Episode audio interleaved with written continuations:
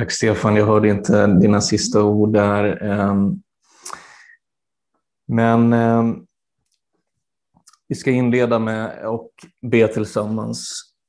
Å Gud, du som råder över himmel och jord och som i din son har uppenbarat din härlighet. Öppna våra ögon, våra hjärtan, så att vi i ditt ord ser din kärlek genom din son Jesus Kristus, vår Herre. Amen. Jag eh, inleder direkt med att läsa en kort vers ur Saltaren och i Saltaren 36 och 10 så finner vi orden Ty hos dig är livets källa, i ditt ljus ser vi ljus. Och eh, jag skulle just vilja utgå från de här vackra orden, hos, hos dig är livets källa. Och stanna upp vid det idag, se vad det kan tala till oss. Det är en väldigt stark bild. Det är som att vi ser framför oss en slags ursprungsplats. En plats som är själva då källan till liv, till allt levande. Tanken på någon slags urkälla, livskälla. Och det här är en tanke som många religioner, myter, filosofier har rört sig kring och liksom försökt att utröna sanningen om. Det är som om människan alltid längtat efter en plats som är liksom sammanlänkad på något sätt med livets urkälla, djupaste källor. Att eh, tala då om livets källa, det är ju såklart att röra sig mot det som inte går att förklara. Men jag tror att just tanken på en källa kan hjälpa oss att ändå förstå bättre någonting om livets yttersta ursprung. Och vi kan då liksom ställa oss här i den här långa mänskliga traditionen och fråga oss hur kommer vi egentligen åt den här källan? Hur får vi egentligen tag på livet? Och vi inser såklart att det här handlar om livet som någonting mer än att bara andas, ätas, finnas. Människan verkar liksom bära då på en intuition att livet är någonting mer än detta. Det är någonting djupare och vi kan inte låta bli att söka efter det. Ibland tror jag att eh, det kristna svaret och kyrkan ibland tenderar att peka på vissa saker när det gäller livets källa. Vad är livets källa? Hur får vi tag på den? Kanske lite av vana förenklat så påminner man om att man kan nå källan genom bön, gudstjänst, bibelläsning och så vidare. Och det här är ju inte fel, eh, såklart inte, men ibland kan det få oss att tro att livets urkälla, eller det andliga livet, är någonting liksom bortkopplat, lite vid sidan om livet i övrigt. Att det har ganska lite att göra med vardagslivet, familj, barn, hus, arbete, fest, glädje och sorg. Det är som att det nästan framstår som lite av en distraktion för det här riktiga andliga livet. Att livets källa då blir någonting som vi kan dricka lite ur ibland, när vi går till kyrkan, när vi hinner be en bön eller läsa någon vers ur skriften. Men om det är någonting som de här kristna goda vanorna som bön och gudstjänst verkligen är till för, så är det snarare att öva oss i att se hur allt i den här världen är sammankopplad med livets ursprungskälla. Allt i livet har att göra med dess källa. Och Stefan läste ju från Saltaren 19 här idag. Himmelen förkunnar Guds härlighet, himlavalvet vittnar om hans verk. dag talar till dag därom och natt undervisar natt. Det är inte tal, det är inte ljud, deras röster kan inte höras, men över hela jorden når det ut, till världens ände deras ord. Och här framträder just bilden av att allt skapat hänger samman med källan. Dagen och natten talar liksom utan ljud om det här för oss kontinuerligt, om vi är uppmärksamma. Så livets källa är kanske mycket närmre oss än vi ofta är medvetna om. Det finns i Andra Mosebok eh, kapitel 17 och de inledande verserna där en speciell berättelse om Israels folk som när de hade blivit befriade från Egyptens slaveri går då in i en lång ökenvandring. De saknar vatten och börjar att klaga på Mose. Och Mose i sin tur klagar på Gud. Och Gud talar då till Mose och han ger honom befallningen att han ska ta sin stav och gå till berget Horeb. Och med staven som han har ska han slå på en bergsklippa. Och nu sker då miraklet. Klippan öppnar sig och så blir det till en källa. Och vattnet flödar ur klippan och det kan alla släcka sin törst. Så här har vi en ganska enkel berättelse om att Gud förser och Gud har försyn med folket så att de inte dör i öknen.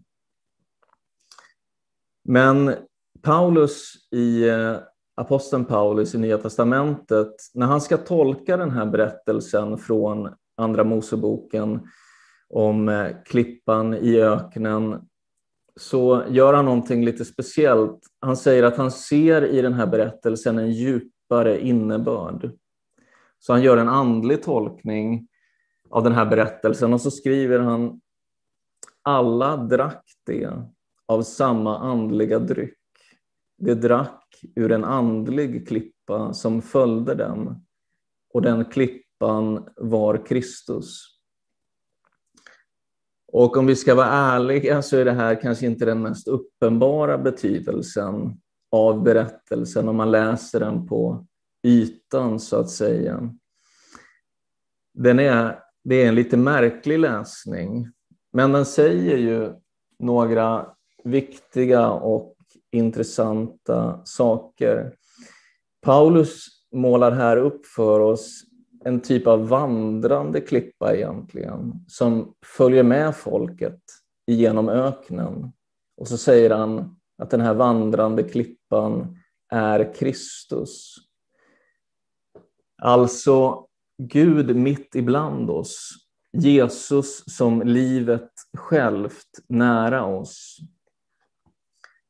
Genom det som fanns i öknens vardag genom enkla klippor som de här som Israels folk hade sett till leda dag efter dag. Just där så får de tag på vatten. Där finns Kristus. Så Paulus visar här hur livets källa hela tiden låg nära folket i öknen. Ständigt närvarande vid deras sida. Och ett av skriftens namn på Gud är just den alltid närvarande. Och Paulus lite märkliga tolkning av berättelsen har också stöd i Jesu egna ord som, eh, om sig själv. I Johannes evangeliets berättelse om kvinnan vid Sykars brunn så ge, säger Jesus just det här, att han är det levande vattnet.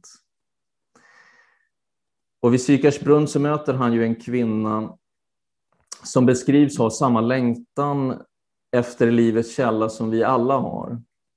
Hon börjar att föra en diskussion med Jesus om det är i Jerusalem eller på ett berg i hennes eget land, Samarien, som man kan finna det här livets källa. Ehm, och Jesus beskriver då för henne ett vatten som han själv kan ge och som inte bara släcker törsten, men som när vi dricker det också blir en källa inom oss. Livets källa inom oss var och en.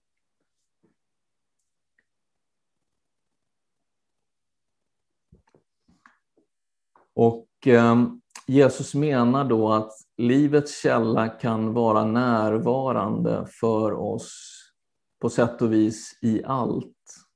Genom Kristus kan ett källsprång flyta fram inom oss. Guds rike är inom oss. Vad kan detta betyda? Jag tror att en viktig poäng med dessa ord och talet om Kristus som klippan som följer oss i öknen, det är att ingenting i verkligheten, ingenting i Guds skapelse är avskilt från denna urkälla som är livet självt, som är Gud själv. Allt skapat har en länk med livets källa. Allt vi gör kan bli ett mottagande av det levande vattnet, livets källa.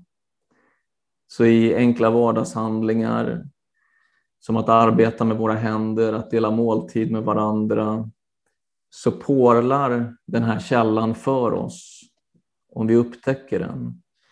Den är dold där ibland, men finns där för oss alla att upptäcka. Nu vet jag inte hur det är hos er. Eh, det såg ganska fint ut där vädermässigt och här är det också en vacker vårdag, om än lite kylig. Och att en sån här vacker vårdag, att det kan vara en nådens port till livets källa, det kanske inte är så svårt att tro på. Men även en kall eller en slaskig och mörk vinterdag döljer, också i den döljer sig klippan med det levande vattnet. Källan är alltid närvarande, alltid här och inte bara i det ljusa. Det var ju faktiskt, som vi läste, det var i en ökenvandring som klippan följde Israels folk. Även i öknen så döljer sig Kristus. Hur kan vi lära oss att upptäcka den här källan mer, att vara uppmärksam mot den? Vi kan följa ett råd som vi finner i Fjodor Dostojevskijs bok Bröderna Karamazov. Och här är det den andlige vägledaren fader Sossima som ger oss rådet älska Gud, Guds skapelse, allt i den och varje sandkorn. Älska varje löv, varje stråle av ljus. Älska djuren, älska växterna, älska allt. Om du älskar allt kommer du att upptäcka det gudomliga mysteriet i alla ting. Fader Sosimas uppmanar oss att genom kärleksfull uppmärksamhet upptäcka den här gudomliga källan, livets källa, den här hemligheten som finns dold i allt, i alla ting.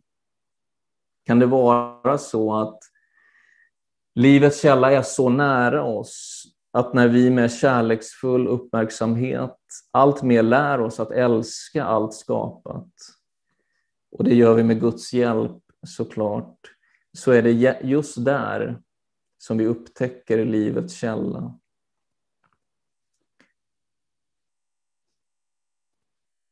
Men livets källa är inte bara nära oss i det som vi möter, i det skapade.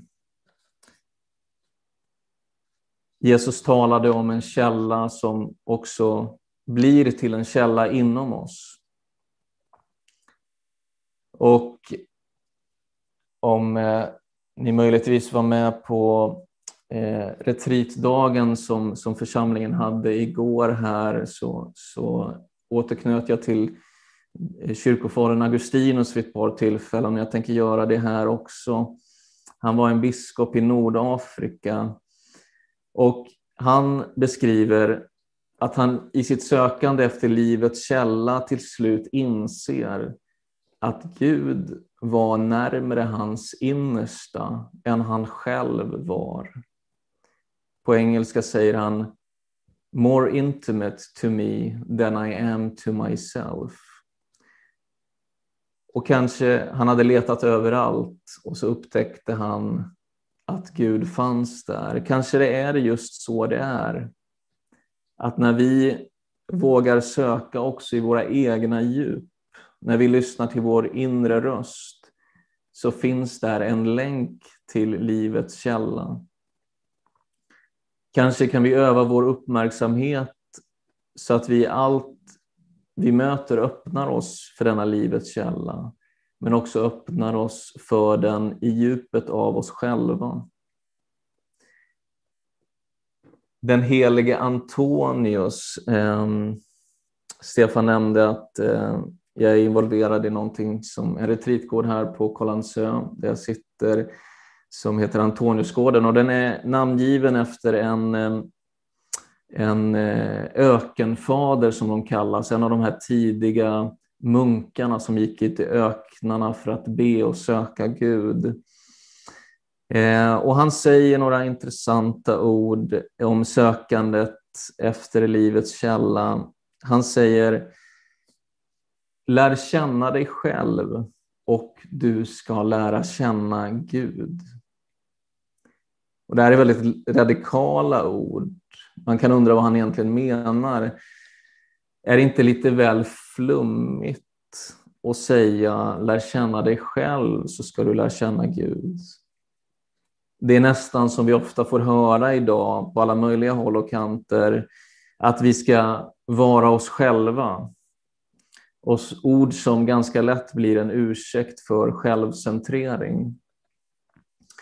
Men jag tror att eh, i de här orden från Antonius så tror jag att han syftar på framför allt att vi alla är skapade efter Guds avbild. Och genom den avbilden så finns i varje människa en länk till det gudomliga. Om vi alla skulle vara uppmärksamma just mot vår djupaste längtan så skulle vi där finna en stor närhet till Gud. Men det Antonius också syftar och menar är att vi ofta lever ganska långt ifrån oss själva. Och därför uppmanar han oss att lära känna oss själva. Vi lever långt ifrån oss själva, ouppmärksamma mot den här djupare längtan som vi bär på. Och att vi behöver då lyssna mer uppmärksamt på vårt inre. Ibland behöver vi stänga ute röster som, som vi dränks av, som, som gör att vi inte riktigt hör ropen från djupen.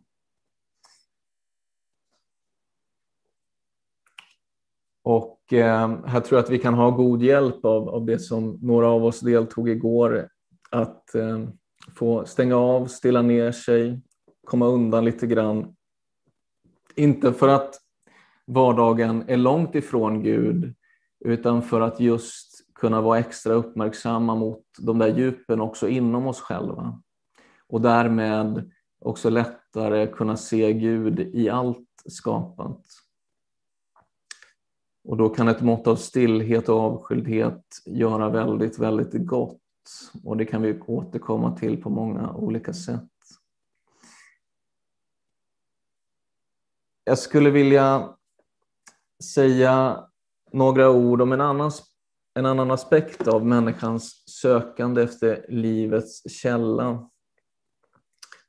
För samtidigt som vi människor då verkar intuitivt längta efter liksom, livets källa eller livet med stort L, efter att leva på djupet, så verkar det som om vi också har ett inre motstånd mot det.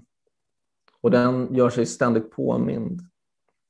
Det är som att det finns en längtan i oss alla som vi ibland är mer uppmärksamma på och ibland håller oss lite på avstånd till. Det kan ju bero på många saker. Ehm, men en anledning är kanske att sökandet efter livets källa delvis är att gå in i det okända. Och att gå in i det okända är ju skrämmande på sätt och vis. Vi vet ju inte vad den här källan kommer att göra med oss. Det krävs alltid ett visst mått av mod att gå närmare källan.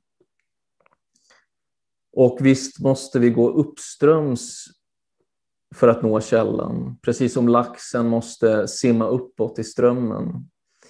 Och det är ett visst motstånd. När Mose vid ett annat tillfälle gick upp till berget för att möta, eh, möta Gud uppe på berget så var det omringat av mörker och eld. Och Mose gick in i ett mörker som det står och han gick in i det okända för att möta källan. Berättelsen om Mose som går upp till berget, det blir också en, en tydlig bild mot det här inre motståndet som vi alla också känner på olika sätt.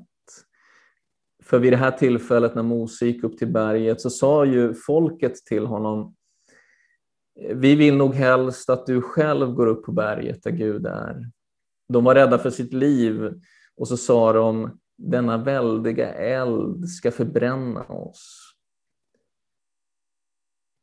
På ett djupare plan är det sant att vi måste vara beredda att ge upp våra liv som det ser ut idag för att gå närmre livets källa. Vi måste kanske riskera det som folket var rädda på, att denna väldiga eld ska förbränna oss. Vi kan ju påminna oss här om Jesu ord, att den som vill rädda sitt liv ska mista det. Och den som mister sitt liv för min skull, han skall finna det. Så att dra sig närmare livets källa, det är alltid delvis att förlora det liv som man hittills känner till. Att möta livets källa är att förändras och förvandlas.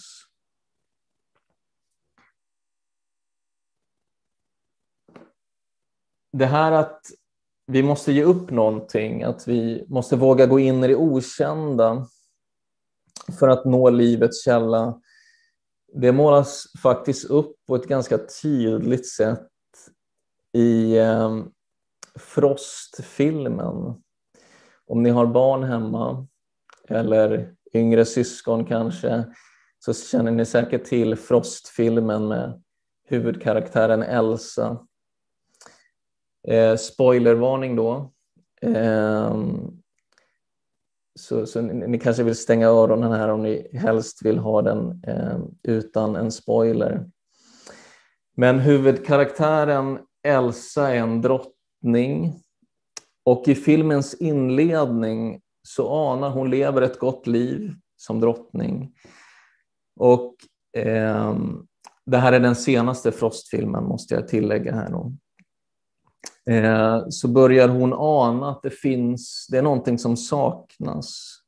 Hon hör en röst som inte andra hör, som kallar på henne, som, som, eh, som kallar på henne på olika sätt. Och till slut så beslutar hon sig för att följa dit rösten leder. Och då brister hon ut i en, en sång och eh, hon sjunger att hon går ut into the unknown, in i det okända. Den svenska översättningen är in i en ny värld. Och hon går verkligen då i början av filmen här ut i det okända. Och det är en kamp. På vägen så får hon slutligen till och med ge upp sitt liv som hon sedan också återfår. Men det här nya livet som hon sen kommer till, det är också någonting annat än det tidigare livet. Och på det här sättet så blir Elsa en bild på den människa som verkligen vågar lyssna till djupet i sig själv. Rösten som ropar och som vågar gå mot det okända, kosta vad det kosta vill. Så vad har vi nu sagt här idag?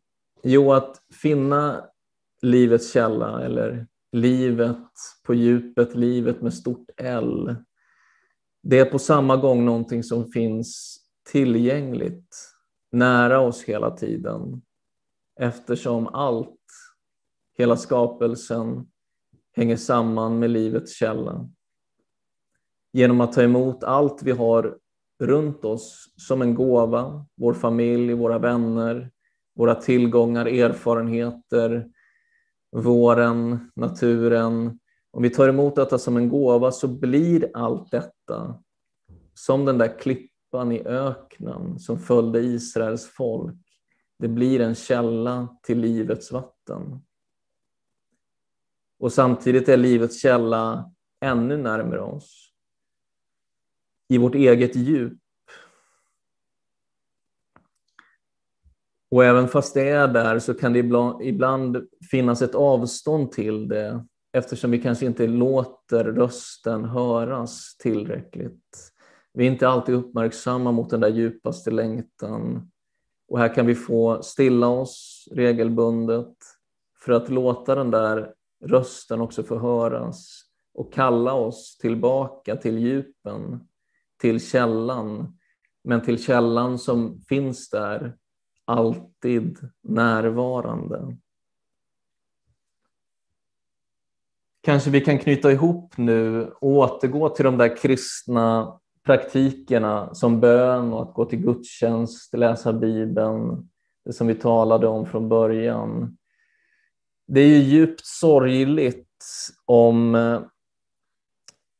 de här, om de här andliga då, sakerna anses vara eh, om det andliga anses vara begränsas till just de här eh, praktikerna, bön och gudstjänst, läsning. Men om det får tjäna vår förmåga att upptäcka livets källa i vårt inre, i allt skapat, i hela vårt liv, ja då tjänar de verkligen sitt syfte. Då är det väldigt goda saker. Då hjälper oss retriten, gudstjänsten, bönen att påminna oss om det som återigen fader Sosima då i Bröderna Karamazov säger. Älska Guds skapelse, allt i den och varje sandkorn. Älska varje löv, varje stråle av ljus. Älska djuren, älska växterna, älska allt om du älskar allt kommer du att upptäcka det gudomliga mysteriet i alla ting. Amen.